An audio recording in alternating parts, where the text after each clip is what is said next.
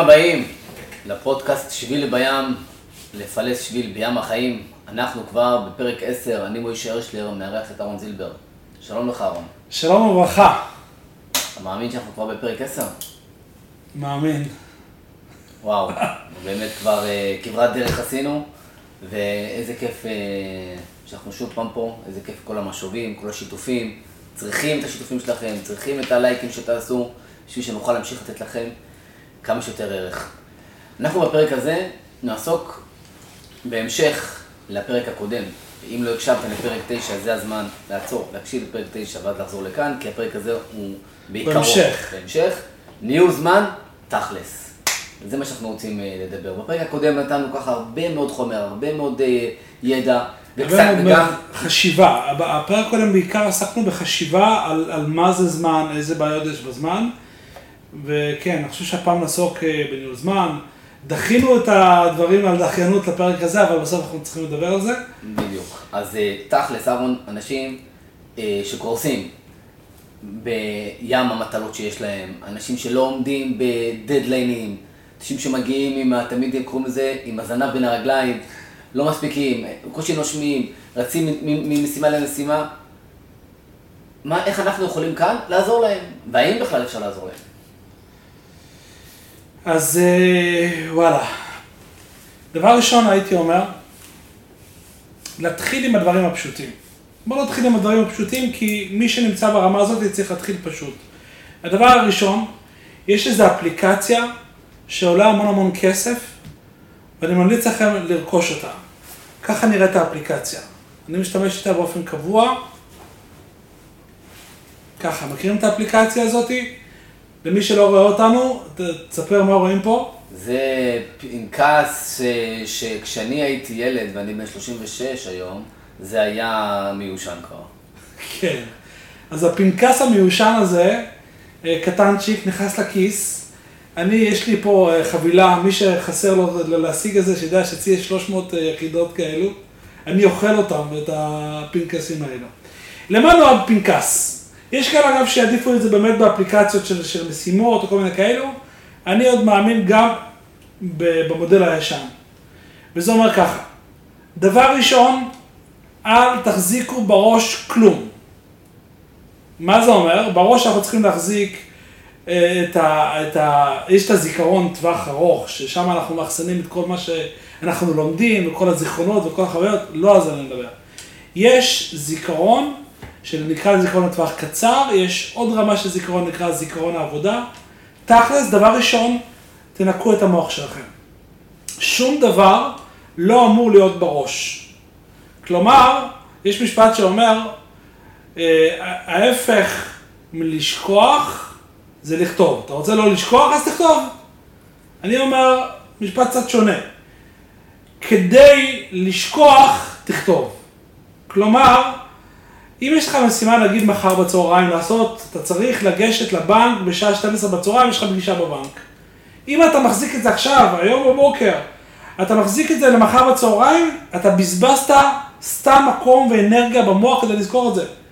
תוציא את הפלאפון שלך, בכל פלאפון הכי פשוט, הכשר, יש יומן פגישות, תעשה תזכורת, תכניס את זה ביומן ותשכח את זה. כל משימה שאתה לא אמור לעשות ברגע זה, אתה אמור לשכוח אותה.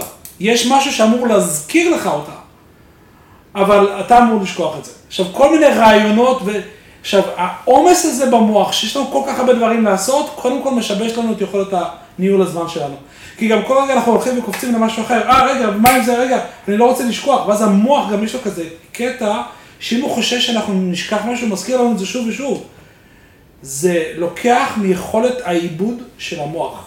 אז דבר ראשון, טיפ ראשון, למי שעדיין לא שם את המשימות שלו על דף, או על אפליקציה, או על תזכורת, או לא משנה מה, דבר ראשון, תעיפו את זה לשם, אבל יש פה הערה חשובה, הרבה אנשים אומרים, טוב, אני, אני כבר עשיתי את זה, ואז אני לא זוכר להסתכל שם, אני לא זוכר איפה שמתי את הפנקס, או אני לא זוכר איפה כתבתי את המשימות. אז ברור שזה צריך להיות במשהו שאתם מכניסים אותו להרגל, או משהו שמצלצל לכם, מזכיר לכם. היום יש גם אופציה כזאת, כזאת במייל, שאתה יכול לשלוח לעצמך מייל שיגיע בתאריך מסוים. אתה מתזמן מייל שיגיע באותו תאריך. יש הרבה דרכים, אה, תמצאו דרך אחת שמתאימה לכם, אבל תתחילו דבר ראשון לנהל את המשימות שלכם. נאמבר 1. וואו. האם אתה ממליץ גם כן על, אה, בעצם אה, בספר כאן שנמצא על השולחן של דיוויד אלן, האיש היעיל בעולם, יש לו, הוא, הוא מציע שבן אדם ייקח יום, יומיים מהחיים שלו וירוקן את כל המשימות שלו והתוכניות שלו על דף, ו... כי הוא אומר שבעצם גם הדברים הכלליים שיושבים לנו תמיד ברקע, והם כל הזמן עושים לנו רע- רעשים. זה נכון. אבל אני אומר עוד יותר, גם לבן אדם שיש לו המון רעיונות, למשל, אני מחזיק את הפנקס בעיקר, לא בשביל המשימות, כי משימות אני משתמש בפלאפון הקטן שלי, הכשר. אה, אבל אה, מה שאני כותב בפנקס, זה אני אדם שגם מעביר תכנים וקורסים, ו, ו, ואני צריך להכין הרבה תכנים. ואז אני יכול לשבת, ופתאום מציף אותי הראש עם אה, רעיונות, ואז אם אני עכשיו אהיה רגע עסוק, או שאני אשכח את זה, שזה הבעיה הקטנה, הבעיה היותר גדולה שאני לא אשכח את זה. ואז אני פשוט לא אצליח להיות מרוכז במה שאני עושה עכשיו. והמטרה היא, כשאנחנו עושים משהו משימה, להיות 100% במשימה הזאת, לרוקן כל דבר. שזה כבר אנחנו מגיעים פה. לנקודה השנייה. אתה עושה משהו, אתם עושים משהו, תעשו אותו. אנשים מתגאות ב... ביכולת אה, לתזז על עשר משימות בבת אחת, multi- multitasking, גם בעבר חשבו שזה אה, משהו מאוד מאוד כישרון ש... שכדאי להתגאות בו. אני יכול לעשות עשר דברים במקביל. זאת אשליה. אשליה, אי אפשר לעשות עשר דברים במקביל. האנשים הכי מוכשרים לא יכולים לעשות את זה, הם חיים בתוך אשליה ואז אתה בודק אותם, אני זוכר, אני ברמה האישית. הייתה, היה פעם שאני אני, אני מוצא את עצמי שאני עסוק ואני לא מצליח לקדם כלום, משהו תקוע, אני גם לא עושה כסף, לא מרוויח, לא מתפרנס, אני עושה כל כך הרבה דברים. פתחתי קובץ, אקסל, קראתי לו, לפעמים אני מציץ בקובץ הזה, זה היה לפני איזה שבע פלוס שנים כזה. כתב, קראתי לו סדר בחיים. כתבתי כל מה שאני עושה, כל העיסוקים שלי. הגעתי, תחזיק חזק, ל-23 דברים במקביל שעשיתי. וואו. עכשיו, למה, למה שבן אדם יעשה 23 דברים במקביל? לא כי הוא מוכשר, אלא כי הוא רוצה, כי תמיד יש לו לאן לברוח. אם משהו לא יעבוד, אז הוא ילך לפה, לא יגיע כסף משם, יגיע כסף מפה, בתכלס לא מגיע כסף משום דבר, כשאתה עושה 23 דברים במקביל, שום דבר לא נתקע. ואז אני זוכר שלקחתי... לא לא מצליח. בדיוק, שום דבר לא מצליח, הכל נתקע, כי אתה עובר מדבר לדבר ושום דבר לא הולך עד הסוף. אז בדברים הגדולים זה ככה, ואז אני זוכר שעשיתי, אה, לקחתי איזה תלמיד שלי ואמרתי לו, תקשיב, אני צריך שתעשה איתי איזה תהליך ו- ותעזור לי. אה, ואז עשיתי פירמידה, שמה הדברים הכי חשובים, ו- ואז מה שקרה, שהתמקדתי בלמעלה, והלמטה כולם נפלו פשוט החוצה. הם לא קיימים בחיים שלי היום. מזכיר את הסיפור של האבנים הגדולות והאבנים הקטנות. כן. זאת אומרת, כי אם אנחנו קודם כל נשים את האבנים הגדולות בתוך הכלי של החיים שלנו, כן. יהיה לנו מקום ל... אז אני כבר אגיע לזה, כי זו נקודה מאוד חשובה להבין את זה. אבל אני דיברתי רגע ברמת המקרו, אבל גם ברמת המיקרו ביום-יום. כשאתה מנסה לעשות עשר דברים במקביל, זה לא יקרה.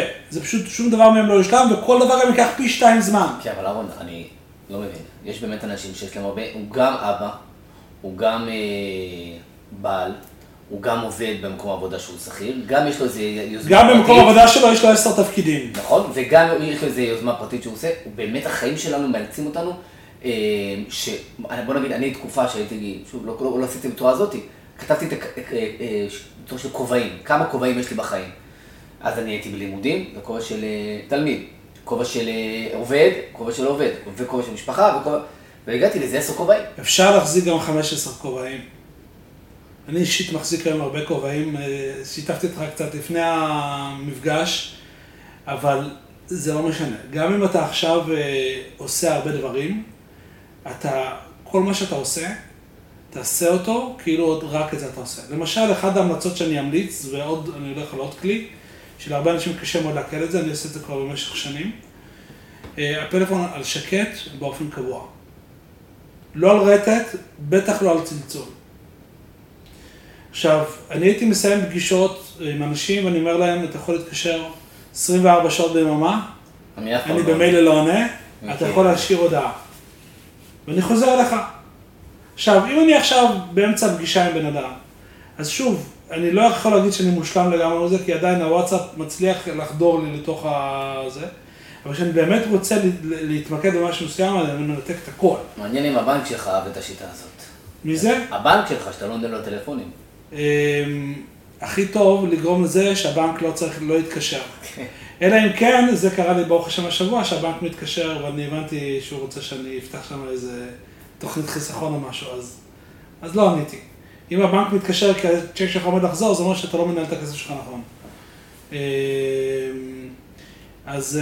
זאת אומרת, אפשר באמת שיהיה לך הרבה מאוד כובעים, אבל פשוט כל פעם שאתה... כל. מסוים, כל משימה שאתה עושה, קודם כל תתחיל לייחד זמן, אוקיי? אה, אתן לכם דוגמה, אני מוציא כל יום סרטון, בסדר?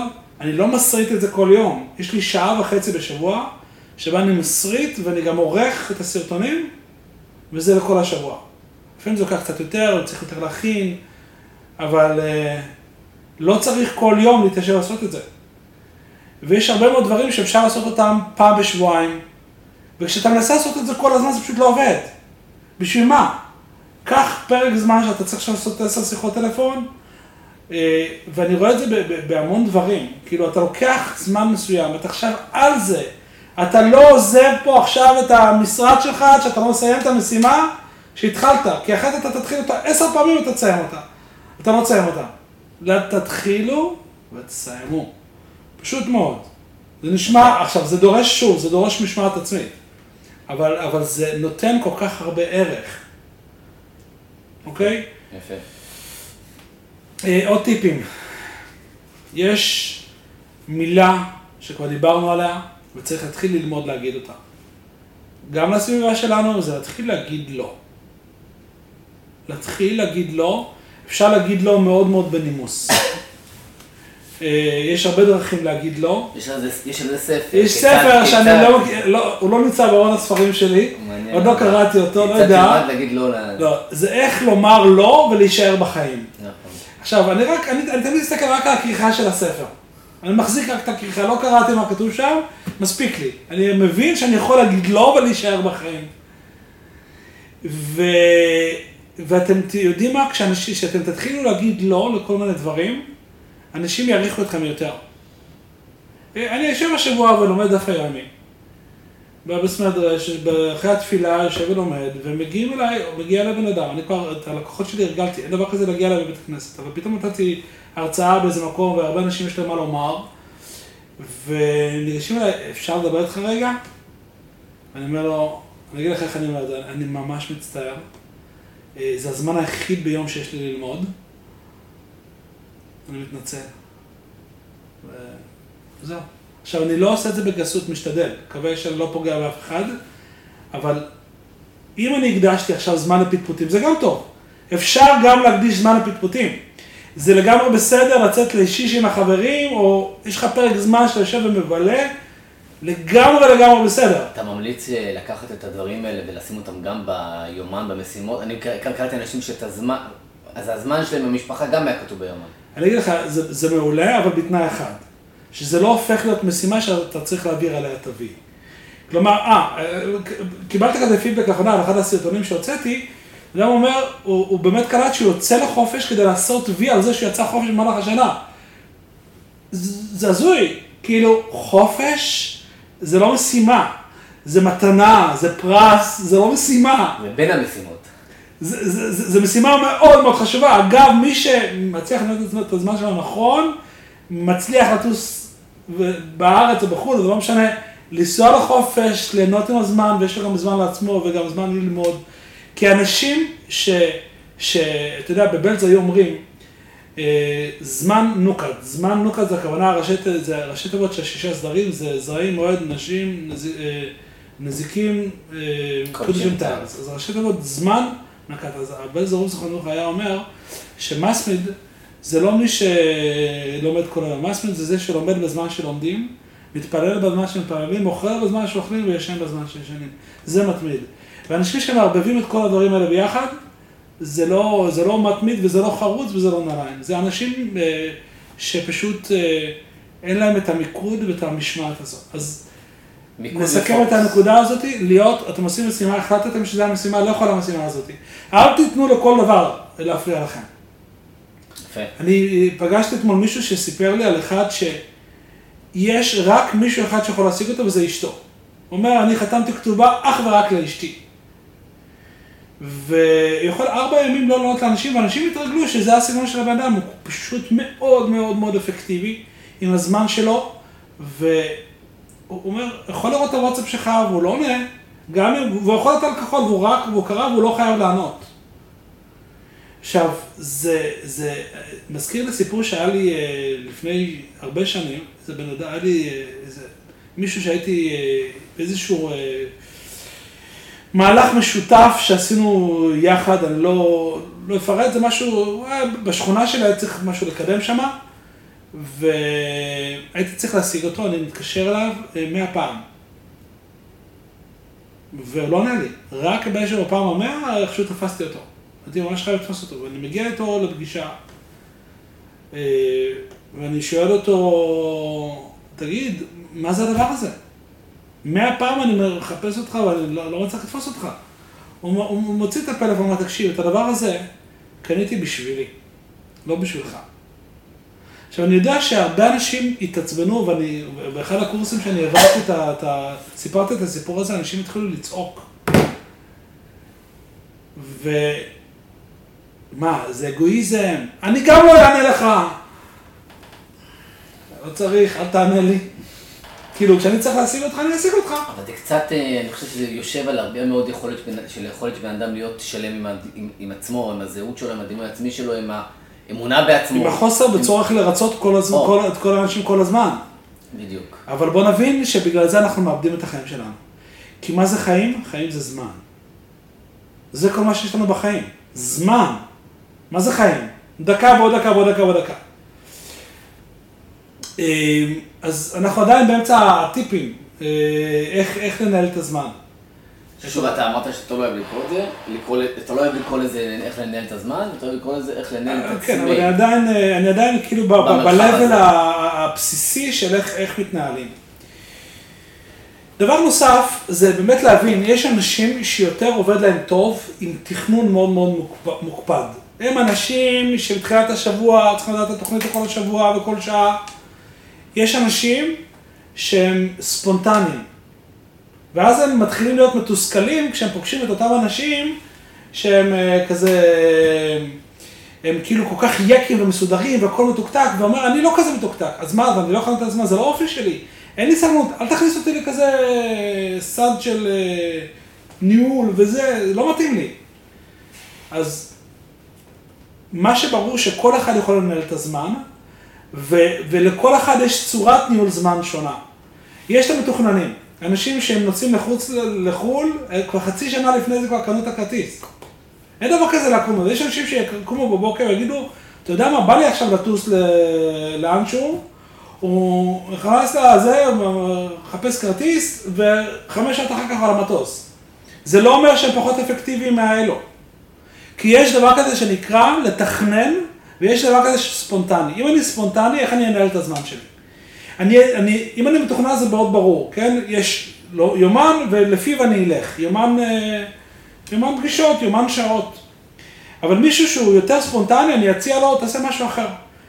שיהיה לך רשימת משימות. קודם כל, יש את הזמנים שאתה כן צריך להיות מתוכנן. קבעת עם אדם פגישה, יש לך משהו לעשות, תעמוד בזמנים. אבל ביתר הזמן שלך תהיה ספונטני, מה זה אומר? זה גם נושא מה זה לעמוד בזמנים. רגע, זה, זה נכון, זה נקודה, זה, אבל אני רוצה רגע לסיים את הנקודה. אני אומר, תהיה ספונטני, זה אומר, אה, תיקח את המשימות ועכשיו אתה, יש לך פתאום זמן פנוי, אתה מסתכל איזה רשימה, איזה משימה אני יכול למחוק מהרשימה. מה אני יכול עכשיו לעשות, מה אני רוצה עכשיו לעשות, מה בא לי לעשות, אבל אתה שומר על זה שהמשימות החשובות באמת מתבצעות.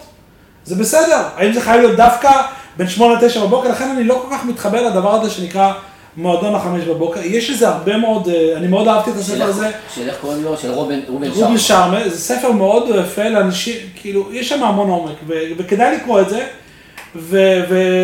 ולקחת משם כמה דברים, אבל לקום חמש בבוקר, נכון, אני ראיתי שהרבה מאוד מנהלים, מנהלי על כאלו, הם, הם באמת חייבים לקום חמש בבוקר. כי לנהל מערכות מורכבות, ואתה מגיע לעבודה נגיד בשמונה בבוקר, וכל העולם מציף אותך, אז אם לא התחלת את, ה, את, ה, את הבוקר בחמש, אז כנראה לא תצליח אה, לנהל את, ה, את הבוקר שלך. אבל לרוב האנשים, לא, כדי, כדי להשיג את ההישגים שלהם בחיים, הם לא חייבים לקום בחמש בבוקר. זה טוב ללמוד לפני התפילה, להתפלל בנחת. אני יכול להגיד לך שהבוקר זה, זה זמן מאוד מאוד מדהים, אבל יש אנשים, כמוני למשל, שהלילה שלהם, אני מעביר קורסים בלילה, אני ניסיתי תקופה ואני עשיתי את זה ואני שילמתי איזה מחירים יקרים, אמרתי, זה לא שווה לי. אני לא אעשה משהו רק כי ככה כתוב.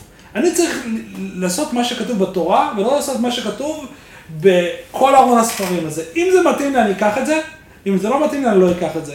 ואני מציע לכם להתייחס גם למה שאני אומר באותה צורה. כאילו, מה שלא מתאים לכם, אל תיקחו פשוט. אז אה, בקשר. לעמוד בזמנים, אז זה גם אה, חלק מה... אה, אני חושב שיש תרבות קלוקלת באופן כללי, ב...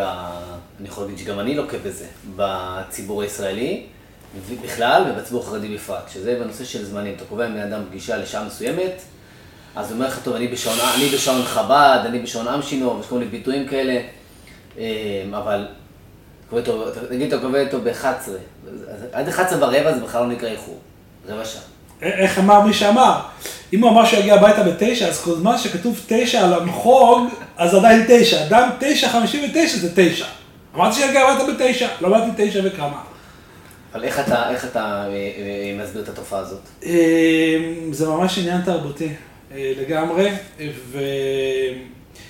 זה לא קשור לזה שאנשים עסוקים במשימות. לא קשור בשום צורה. דווקא אנשים עסוקים מאוד, מדייקים מאוד בזמן. אמ, היה לי ממש לאחרונה כזה סיפור, אני... זה המחיש לי את, ה... את כמה אני רחוק מהתרבות אה, של הרבה אנשים בציבור. מישהו פנה אליי, אמר, תקשיב, יש משהו שצריך להתייעץ איתך, פיקוח נפש. אמרתי לו, אוקיי, תתקשר אליי בשעה שלוש. כתבתי לו בעבודה, תתקשר אליי בשעה שלוש. זהו, הוא לא מתקשר. ואז אחר כך אומר לי, תשמע, צריך דחוף. אז אני אומר לו, תתקשר אליו בשעה עשר בלילה. אני מתזמן את זה לזמן שאני בדרכים ויש לי קצת זמן לשוחח. זה פיקוח נפש. הוא לא מתקשר. אחרי uh, שבועיים, סיפור אמיתי, ממש בתקופה האחרונה. הוא מתקשר, הוא משאיר לו, תקשיב, זה פשוט, אבל באמת, אני חייב. אמרתי לו, מחר ב-11 בבוקר. זה מישהו שקרוב אליי, אה, משהו שאכפת לי, כן, זה לא סתם הייתי נותן שלוש פעמים צ'אנס. הוא לא התקשר, גם הפעם השלישית. אמרתי לו, תקשיב, אה, זהו, זה נגמר, הפעם הבאה זה רק בתשלום מלא, אה, תשלם את זה. אתה יודע משלם, הוא התייחס אחרת, ביקש טובה. אבל אז הוא הסביר לי משהו. הוא אומר לי, אל תסתכל עליי ככה, אני לא הבנתי, אתה אמרת, תתקשר בסדר, הבנתי שאז אתה פנוי. אני לא הבנתי שאתה פינית לי זמן. כאילו מבחינתי אמרתי, טוב, אני לא התקשרתי, אז בסדר, כאילו... הוא לא הבין שכשאני אמרתי לו נראה עשר היום, זה אומר שיכלתי לעשות את השיחה אחרת, ואמרתי, לא, אני מחכה, אני הבטחתי לבן אדם את הזמן, אז אני אתן לו את הזמן. הוא פשוט באמת לא הבין את זה. פערי שפה ותרבות. ממש. וואו, מטורף. ו- ואני יכול להגיד לכם שאני... יוצא לי הרבה לשבת עם בעלי עסקים, רוב הפגישות האישיות שלי זה עם בעלי עסקים. האנשים האלה לא מצליחים. בוא. אתה לא יכול ככה לנהל, אתה יודע למה? כי היום אתה מאחר, מחר הוא מאחר. עכשיו, שלא לדבר על זה שהעובדים, אם, אם הבוס שלהם ככה נראה, אתה לא יכול לצפות להיות אתה האדם הלא רציני, ושהעובדים שלך יהיו האנשים הרציניים, זה לא יקרה. כבעל עסק, אם אתה לא יודע לנהל את, ה, את, ה, את המילה שלך... אם אתה לא מלך על המקל שלך, אתה לא יכול למלוך על שום דבר. פעם, תגיד את זה עוד פעם. אם אתה לא יכול להיות מלך על המקל שלך, אתה לא יכול למלוך על שום דבר. זה מה שנאמר על שלמה המלך, שלבסוף לא מלך אלא המקלות. למלוך על המקל, אתה יכול למלוך על העולם. ממש. וואו. אתה מאמין במטריצת הניהול הידועה בשם אה, סטיבן קובי, ש... לחלק את המשימות בצורה של אה, דחוף וחשוב. אז אני אסביר, זה, זה בהחלט אה, גישה שאני חושב שהיא מאוד מאוד נכונה, אני גם מלמד אותה. אז בוא תגיד איך זה... זה בעצם אה, אפשר לחלק אה, את המשימות שצריכים לעשות בכל החיים שלנו לארבע חלקים. חלק אחד דחוף וחשוב, חלק שני ש... חשוב ולא, ולא דחוף. דחוף, חלק שלישי דחוף ולא חשוב, חלק רביעי חשוב ולא דחוף. לא חשוב ולא לא דחוף. חשוב ולא דחוף. אז בואו בוא נתחיל להסביר רגע מה זה אומר. לא חשוב, לא דחוף, בוא נתחיל מהסוף. זה סתם שטויות, משהו שלא דחוף, ואתה הולך ומבלה את הזמן שלך. בסדר? שאנחנו נסחבים לשם לפעמים כשיש לנו... אני אלך לקצה השני, זה דחוף וחשוב. זה משהו שזה דחוף וזה חשוב, והולכים לנתק לך עוד מעט החשמל, אז זה גם דחוף וגם מאוד חשוב. אה, אבל יש, ההתמודדות האמיתית שלנו, זה בין הדחוף ולא חשוב והחשוב ולא דחוף. בואו ננסה להסביר מה זה אומר. דחוף ולא חשוב זה אומר וואטסאפ עכשיו איזה חדשה, חדשות. חדשות זה משהו מאוד דחוף, למה? קודם כל המילה דחוף זה מלשון שזה נדחף פנימה. חדשות מתפרצות קוראים לזה, כן? חדשות, העיתון של היום כבר לא יהיה רלוונטי מחר, זה מאוד דחוף לקרוא אותו היום. כן, ספר למשל, יכול לחכות גם שנה בעולם אתה לא תקרא אותו, כי זה לא דחוף. אבל העיתון אתה תקרא אותו, למה? כי זה דחוף, כי זה החדשות. אבל זה חשוב? מה יותר חשוב? זה חשוב ולא דחוף, לקרוא ספר זה חשוב ולא דחוף. זה מאוד חשוב, זה ישפר אותך. להקשיב לפודקאסט הזה, זה לא דחוף. זה מאוד נמצא, חשוב. זה נמצא בכל הפלטפורמות אה, לנצח בעזרת השם. אבל זה מאוד מאוד חשוב. דחוף זה שיחת טלפון של מישהו מתקשר. דחוף זה, זה מישהו שעכשיו מבקש ממני משהו, ומשהו שאני לא אמור לעשות אותו, אבל הוא סתם נדחף לי פנימה לתוך סדר היום. הדברים החשובים ולא דחופים הם חשובים מלשון חשיבה, לשון אה, אה, מחשבה. משמעותיים, משמעותיים. עכשיו, אלו לא נכנסים פנימה, אתה לא תדחוף אותם, יכול להיות שיש רגע שאתה, זה פתאום הפך להיות דחוף. נגיד, אתה צריך להכניס עובד לעסק, אה, זה מאוד מאוד חשוב, אבל אתה מסתדר בלי זה. אתה אומר, יאללה, יאללה, נסתדר, נסחוב, ופתאום מגיע איזה עת לחץ, איזה ערב פסח או איזה משהו, ופתאום זה הפך להיות דחוף וחשוב, ואז הוא מכניס את העובד הלא נכון, ונופל איתו, ואז הוא לא יודע איך לצאת ממנו. זה דוגמה, מה שקורה, שעם ה- המ- המאבק האמיתי ביום-יום שלנו, מי נאבק מול מי, הלא חשוב ולא דפוק, לא נאבק. החשוב והדחוף, הוא צריך להיות שם. הוא, הוא, צריך להיות שם, והוא יהיה שם, וכשהפקיד הבנק מתקשר, שחסר לך כסף בבנק, אתה תרוץ לתפקיד, כי, כי אחרת תהפוך להיות אה, מוגבל או משהו, יחזור לך צ'ק. זה בחשוב ודחוף, אני לא צריך לדאוג לו, הוא יופי דואג לעצמו. בסדר? הבעיה האמיתית והמאבק האמיתי שלנו זה בין החשוב ולא דחוף, לדחוף ולא חשוב. ורוב האנשים שלא מצליחים לנהל את הזמן שלהם, זה אנשים שנותנים לדחוף ולא חשוב, פשוט למנות את כל סדר היום שלהם. אתה שואל אותו מה עשית היום? הוא עשה אלף דברים, הם לא חשובים. הוא, הוא, הוא, הוא ענה על כל המיילים, הוא ענה על כל הוואטסאפים, הוא ענה על כל הטלפונים, אבל מה שהיה צריך לשבת היום ולכתוב איזה תוכנית עבודה, הוא לא עשה. כי אפשר להסתדר גם בלי תוכנית עבודה. אפשר להסתדר בלי הרבה דברים, אבל בסוף זה פשוט לא עובד. ולכן, ולכן עיקר הפוקוס צריך להיות על החשוב ולא דחוף. אני, אני לא אגיד עיקר הפוקוס, כי זה מאוד קשה להיות שם, כי בסוף כל הזמן הדחוף אה, דוחף. דוחף. אבל אם אתה תקדיש אפילו 10% מהזמן שלך, להגיד, למשל, אם, אם אנחנו מדברים על, אה, על הבנק שמתקשר, כן? אם אתה תקדיש עכשיו פרק זמן מהחיים שלך כדי להסדיר את הכלכלה שלך, שהבנק לא יתקשר. אתה לא תצטרך להתקשר כל יום לבנק, אלא רק פעם בחודש. או פעם בשבועיים לבדוק מה קורה בבנק, כן? שזה ניהול תקין, לא צריך להתקשר, לבדוק כל יום בבנק. בן אדם יודע מה נכנס, מה יוצא, אלא אם כן הוא רוצה לבדוק אם נכנס לו כסף שמישהו אמור להעביר, אבל שיבדוק אם, אם, אם חוזר לו משהו, זה, זה לא אמור להיות. תתנהל חודש מראש, שבועיים מראש לפחות. אז אם בן אדם עכשיו מקדיש אפילו שעה בשבוע כדי לנהל את הכסף שלו בצורה נכונה, אז אוטומטית יהיה לו פחות דחוף וחשוב, כי הפקיד בנק לא יתקשר. אם למשל חשבון החשמל שלו באופן קבוע מגיע רגע שזה, ש- שעוד רגע הולכים לנתק, אז כנראה שהוא צריך לעשות הוראת קבע, להקדיש חמש דקות לעשות הוראת קבע בבנק, שזה ייסע ולא צריך לשלם כל פעם. אז זה נקרא, ככל שאתה תעסוק בחשוב ולא דחוף, לא דחוף לעשות הוראת קבע. אבל אם אתה תעשה את זה, כנראה שאתה תחסוך הרבה זמן. אתן לך דוגמה נוספת, תחשוב שאתה, אה, יש לך איזה מנעול, שכל פעם שאתה מכניס את המפתח, פותח את המשרד שלך או את הבית שלך, אה, עד שאתה פותח. עכשיו, זה לוקח לך גם זמן, גם אנרגיה, גם זה, וכן, זה לא דחוף, הדלת עדיין עובדת. אם זה כבר היה רגע שהדלת כבר ממש לא, ת- המפתח לא יעבוד, אז כבר תצטרך לקרוא לפורץ, או כבר לשלם כסף. זה ככה המון המון המון דברים קורים בחיים שלנו שהם לא, לא דחופים, ובסוף הם נהיים דחופים וחשובים. ולכן העבודה האמיתית היא להסתכל ולהגיד, רגע, מה חשוב בחיים שלי, ו... ואיך אני יכול, אם, אם למשל, אני אתן לך איך, א- איך אפשר להיות כזה? אני אומר, כל פעם שקורה משהו חשוב ודחוף, אז תשאלו את עצמכם, איך אני מונע שבפעם הבאה זה לא יהיה חשוב ודחוף? כי האמת שאנחנו לא אמורים כמעט להתעסק עם דברים דחופים. דחופים זה, אתה יודע, אפילו בעל עסק הגיע להציג, מה, צריך דחוף לקוחות עכשיו, חייב לעשות מהלך שיווקי. הלו, אתה לא יכול לעשות מהלך שיווקי בשביל הר- מהרגע לרגע, לוקח הרבה זמן המהלך השיווקי להבשיל. אתה צריך להתחיל את זה כשזה לא דחוף. אם זה כבר דחוף, אתה בבעיה. אותו דבר, השם ישמור, מישהו רצה לעשות ביטוח, כשקרה לו כבר משהו. מאוחר מדי. ולכן העיסוק בדברים החשובים, זה כאילו להתחיל לבדוק מהם הדברים החשובים. וכל פעם שקורה לי משבר משהו דחוף, אני רוצה לבדוק שזה לא יקרה שוב פעם.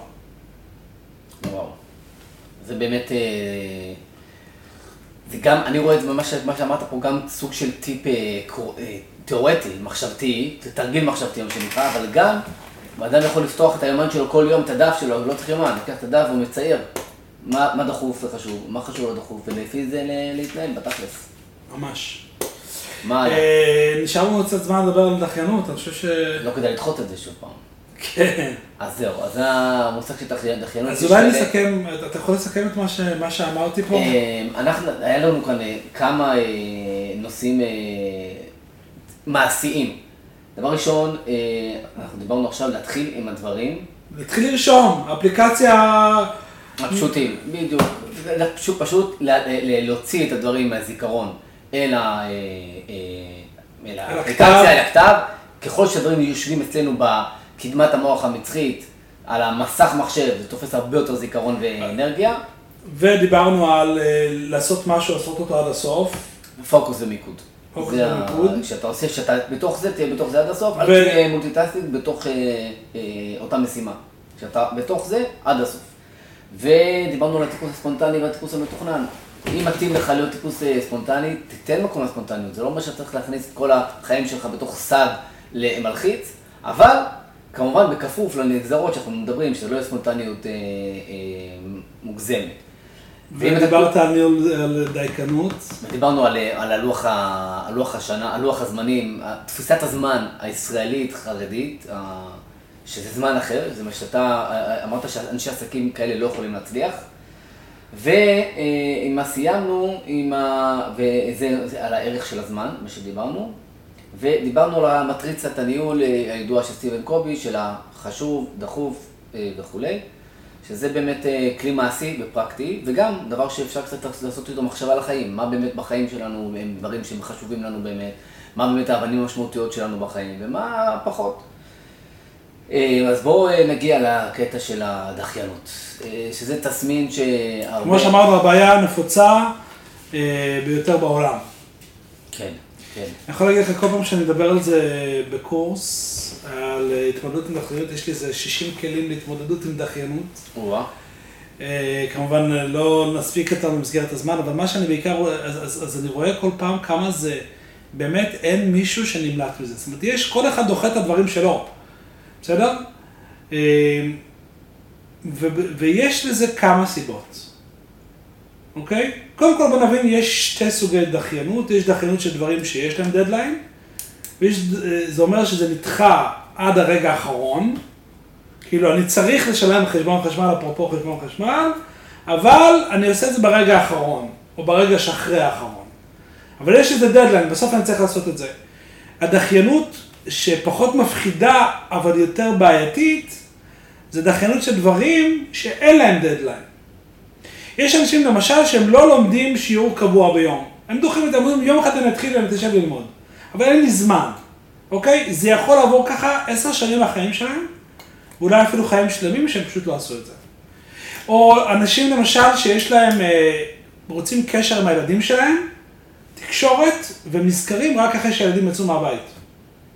פשוט, הם איבדו כבר את היכולת הזאת ליצור קשר עם הילדים שלהם, קשר קרוב אה, עם הילדים שלהם. או ב, להקדיש זמן לשלום בית, זה דברים שאדם דוחה,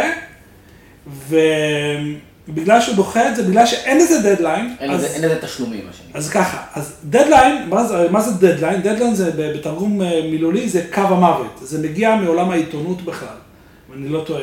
המקור של זה בדדליין לעיתון, כאילו, השעה ש... ה- ה- השעה שהעיתון יורד לדפוס, כאילו עד אז חייב הכל להסתיים, לא משנה מה.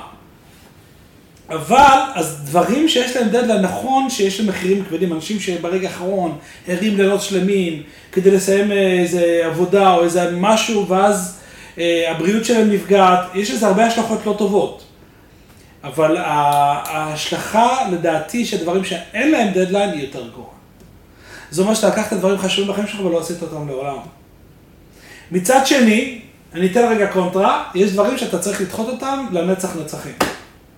פשוט הדברים הלא חשובים, תשתמשו עם כלי הדחיינות כדי לדחות את אותם דברים לא חשובים. מישהו מגיע אליך ואתה אומר לו, מישהו שאתה לא באמת אה, צריך לעשות את משהו אה, זה, או אתה לא מעוניין לעשות את זה, אז, אה, אז אתה פשוט יכול להגיד לו, מחר, תתקשר אליי מחר. ומחר זה מחרתיים, ואתה דוחה אותו. אתה לא רוצה להגיד לו לא, אתה אולי לא רוצה לפגוע בו, אתה אומר, נראה, אני לא יודע אם אני אוכל, נראה לדבר מחר. כמו חליפת הכעס של אה, נראה לי הסבא מקלם, אמרו שכל פעם שהוא היה רוצה לכעוס, היה לו חליפה מיוחדת שהוא היה צריך ללבוש. ואנחנו מבינים איזה טעם היה לכעס, שבן אדם... שהוא דחה אותו. דחה אותו. אז זה בדיוק מה שאתה אומר. רק אני רוצה לקחת אותך לכיוון אחר. אני רוצה לקחת משהו על עצמי. אה, אני ברמה אישית, אה, כשדברים הם בוערים והם הם דחופים, אני יעיל בצורה הרבה יותר אה, משמעותית. אה, אז בתחילת דרכי הייתי מנהל אה, מחלקה בעמותת גשר, אז היה לי אה, אנשי צוות, אני זוכר כשהיינו צריכים להרים פרויקט, וזה היה תוך יומיים להרים, תוך שלוש ימים, זה היה יוצא הכי טוב שיכול להיות. ואם יש לך איזה חודש להתכונן, אז, אה, אז, אז אתה, אתה קצת... אז זה בדיוק, בדיוק, בדיוק, בדיוק, יפה מאוד. זה דוגמה לחשיבה יצירתית. ואני אגיד לך איך אני חושב בכלל שמתמודדים עם דחיינות. עם דחיינות לא מתמודדים בכוח הזרוע. אם אני אבוא עכשיו ואגיד לאנשים, יאללה, תהיו חזקים! איפה המשמעת העצמית שלכם? קחו את עצמכם לידיים, תפסיקו לזרוק את הזה. עזוב, זה לא עובד. מה שאני בא בעצם ואומר, אה, חבר'ה, תהיו הרבה יותר חכמים ותשחקו את המשחק. למשל, הדוגמה שאתה הבאת זו דוגמה פנטסטית. אם אני רואה, ואני ראיתי את זה אצלי למשל, אני הייתי צריך אה, להכין משהו, להכין אה, חומר למשל, אה, להרצאה או לסדנה או זה, אה, אני הייתי, זה אחד הדברים שקשים לי לעשות אותם, ואני צריך לייצר, והיצירה מגיעה ממקום מאוד פנימי, וזה זה דורש המון מאמץ. ואז ימים שלמים הייתי יושב, מקדיש לזה עכשיו ארבע שעות, אני הולך את זה מוקדם, שבועיים לפני. ופשוט אני מוצא את עצמי בורח לכל הכיוונים, רק את זה לא לעשות. אני מוכן באותו רגע ללכת לטפל טיפול שיניים, אני לפעמים מתקשר לאשתי, יש איזה ספונג'ה לעשות בבית, משהו, אני מוכן לעשות הכל, רק... מה קורה? עוד יום הולך, עוד יום הולך, ואז בסוף אני אעשה את זה ברגע האחרון. אז אולי לכתחילה בוא נעשה את זה ברגע האחרון. יש דברים שאני לא יכול לעשות אותם ברגע האחרון, כמו למשל, אם אני מכין, מכין תוכן, אז אני צריך לקרוא ספרים. אי אפשר לקרוא ספרים בבום. אז הייתי מתחיל, אבל לקרוא ספרים, אין לי בעיה עם זה, זה כיף לי. אז את החלק הכיפי התחלתי מוקדם. ואת החלק הקשה, שהייתי צריך את הדדליין, את הלחץ, את, ה, את האדרנלין, זה בעצם איזה הורמון אדרנלין שמופרש בגוף, והוא מאפשר לך בתור להיות יצירתי. אבל לפני זה, זה כבר בפתרון. אני חושב שיש שלב אחד לפני זה, שזה הדבר הכי חשוב שאתה רוצה לדבר עליו, וכל היתר, מה, מה שנקרא ואידך פירוש הזיל גמור. הדבר זה בעצם להבין למה אני דוחה את הדברים. אז למעשה יש ארבע סיבות למה אנשים דוחים דברים. אם אנחנו נבין את הסיבות, ולפעמים יש את כל הארבע ביחד, לפעמים יש רק אחד מהם, כי אנחנו לא יכולים להמציא פתרון לבעיה שאנחנו לא יודעים מה שורש הבעיה. ובזה אני רוצה להתמקד. ארבע סיבות. הסיבה, הסיבה הראשונה זה אומר, זה נקרא ציפייה שלילית. כלומר, המשימה הזאת מפחידה אותי, גדולה עליי, אני לא יודע בדיוק מה לעשות, אני ניסיתי אותה פעם ונכשלתי ואז אני בטראומה מזה, אני, יש לי חוסר ביטחון עצמי. זה סיפור אחד. אז מה יעזור עכשיו שאני אכריע? כאילו, זה מה שיעזור לי? לא יעזור לי. כי אם אני מפחד מזה, אז תכריח אותי, אז אני פשוט אברח מהחלון. אם אני לא יודע מה לעשות שם, מה יעזור לי? אני פשוט צריך להיות מודע לזה. אז קודם כל להבין מה הסיבה, זו סיבה אחת. סיבה מספר 2, סיבה, סוג סיבה, ש... סיבה שנייה למה אנשים דוחים דברים, זה כי הם לא אוהבים את המשימה הזו. פשוט משימה לא אהובה, או שהיא משימה עם תגמול שיגיע בעוד, לא יודע, אני אתן לך דוגמה, לטפל בפנסיה, יש למה גם איזה חוסר בהירות, הרבה אנשים לא יודעים אה, מה עם הפנסיה, לא יודעים איך מסתדרים, זה נראה לא לי רוצים גם מורכב. לחשוב על זה. כן, על אבל בפנסיה. בעיקר הבעיה שזה משהו שיקרה בעוד תרפפו שנים, לא יודע כמה שנים יעברו. עכשיו, זה כאילו אנשים לא, לא חושבים להגיע לפנסיה, כאילו הם מקווים למות לפני זה. ככה זה נראה בהתנהלות שלהם, אבל זה לא נכון. הסיבה היא כי התגמול הוא לא מיידי. אוקיי? או לפעמים זה משהו שהתמורה היא לא מספקת. אז הסיבה השנייה, עוד פעם, הסיבה הראשונה אמרנו, זה משהו שאנחנו מפחדים, ציפייה שלילית זה נקרא. הסיבה השנייה, שהתגמול הוא לא הוגן. פשוט או לא הוגן, או בחוויה שלי הוא לא הוגן. אני משהו שאני לא אוהב לעשות אותו. אני חייב לעשות אותו, אבל אני לא אוהב לעשות אותו. הסיבה השלישית היא סיבה שזה לא דחוף. אפרופו, זה מה שדיברנו עליו. כן, זה לא דחוף, אין דדליין. זה, אני, אני, לא, אני לא מספיק מחויב לזה. זה לא מספיק דחוף לי, זה לא מספיק, לא מספיק חשוב לי, זה לא מספיק... אה, זה משימה, אבל אני דוחה אותה כי, כי יכול להיות שהיא באמת לא חשובה, ויכול להיות שלא הכרתי מספיק בחשיבות שלה. בסדר? פשוט חוסר מחויבות. אה, יכול להיות, בסוגריים אני אגיד, יכול להיות שזה ממש אני פחות, פשוט, פשוט פחות בן אדם רציני. אני, דברים חשובים מאוד, ואני יודע שחשוב דחוף, ואני לא אעשה את זה כי יש לי כזה סוג של אה, פריקת עול או משהו כזה. זה, שזה... שזה כבר בעיה יותר רחבה. אז כי, כי פגשתי גם אנשים כאלו, שזה הסיפור. הם דוחים, כי הם דוחים גם את הדברים הכי חשובים בחיים שלהם. חוסר אחריות לחיים, מחויבות. חוסר, כן, אני חושב שגם זה קשור למקום שאדם מתקשה לקחת אחריות אה, על החיים באופן כללי. זה, זה עניין שדורש אה, באמת, אה, זה, לא נפתור את זה בפודקאסט. צריך ייעוץ או ליווי או משהו כדי לפתור את הדבר הזה. הסיבה השלישית, הרביעית, היא האימפולסיביות. גזלני זמן, בריחה לדברים שיש שם, עכשיו, עכשיו מעניין מה, מה, מה הוא העלה בסטטוס, או איזה חדשות עכשיו הגיעו, או מה קורה שם, ומה... קיצור, לא חסר, דיברנו על זה כבר בפרק קודם, כמה דברים שפשוט גונבים לנו את הזמן שלנו. ולכן אנחנו לא מספיקים, כי, כי מיליון דברים פשוט לוקחים את הזמן. אז אלו ארבעת הדברים. ואז כשאני מבין את זה, אני, אני, אני מוצא את עצמי דוחה משהו שכן, אני יודע, אני רוצה להתיישב רגע להבין מה הסיפור. וכשנבין מה הסיפור, תאמינו לי, המאבק ירד ב-80 אחוז, אני לא מגזים. כי אז, כי אז מה אנחנו... כי אז מה, אנחנו נתחיל למצוא פתרון לבעיה. למשל, אם זה משהו שאני מאוד לא אוהב, אז אולי אני בכלל לא צריך לעשות את זה. אולי, אולי אני יכול לקחת מישהו לעשות את זה. אני זוכר את הפעם הזאת שהייתי, כבר היה לי אז קליניקה, זה סיפור ממש אה, 15 שנה לפחות. היה לי קליניקה ואני מגיע הביתה בצהריים ואשתי מבקשת ממני, תקשיב, התריס שבור. ואני, הידיים שלי לא, לא משהו בהקשר הזה של טכני. ואני עובד, עובד קשה לתקן את זה, ואיך שאני גומר לתקן את זה, אני מתקשר לכל הלקוחות שהיו אמורים להגיע לקליניקה, ביטלתי איתם את הפגישה. פשוט נגמר לי כל האנרגיה. ואז אה, למחרת השגתי מספר טלפון של איזה איש אה, תיקונים. אמרתי לאשתי, זה האיש, מרגע זה ואילך, כל פעם שאת צריכה איש תיקונים, זה הכתובת. אני לא איש תיקונים, נקודה. וזה אחת ההחלטות הכי חכמות שקיבלתי בחיים. כי כנראה שיש לי דברים יותר חשובים לעשות בחיים מאשר אה, לתקן את התריס, ויש מישהו שזה הדבר החשוב בחיים שלו, לתקן תריסים של האנשים. מעניין המחשבה הזאת, כי יש אנשים שיגידו, אה, מה, בשביל כזה דבר עכשיו אני אזמין? אתה אומר, כן, אתה לא... כל אם אחד, כל אם אחד, זה מה שאתה לא. אוהב אותו, והוא... בדיוק, אם אני בודק, שאני דוחה, דוחה, עכשיו יש הרבה דברים שאנשים דוחים ובגלל זה זה פשוט לא נעשה. זה עוד יותר גרוע. נכון.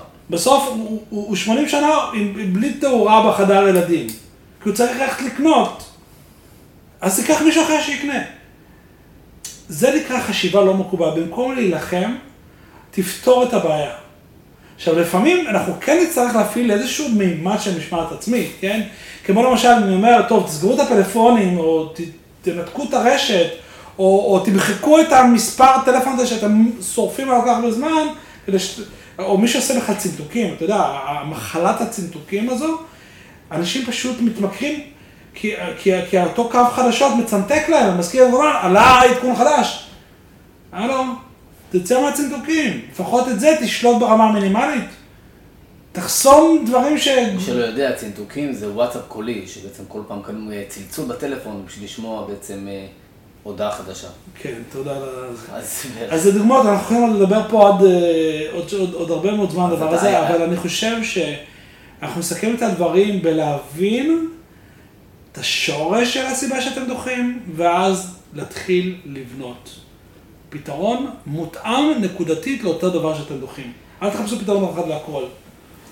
ברגע שאנחנו נטפל בשורש, אז אנחנו נוכל בעצם לפתור את העניין של הדחיינות. אני יכול לא להגיד לך שהרבה אנשים אומרים שזה גרם להם להוריד את רמת הדחיינות שלהם ב-70-80 אחוז. ולהבין שכל אחד לסיבה אחרת, וזה לא עכשיו להכריח את עצמי. תפסיקו להכריח את עצמכם, תתחילו לשחק עם עצמכם את המשחק. וואו. יש, או, לפני שאנחנו סוגרים את הפרק, יש מושג של חוק אה, פרקינסון, שהזמן שלוקח לכל משימה לעשות זה הזמן שנקדיש לה.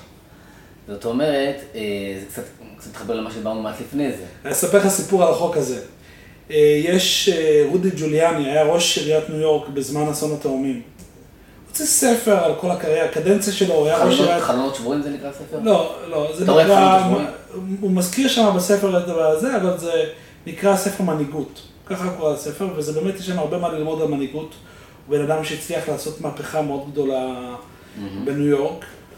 אה, אבל אה, הוא אמר שם משהו, אה, ספר שם שאיך הוא ניהל את העיר בתקופת מתקפת התאומים, אחרי, אחרי כל המשבר, ויש שם להחזיר את העיר לקדמותה.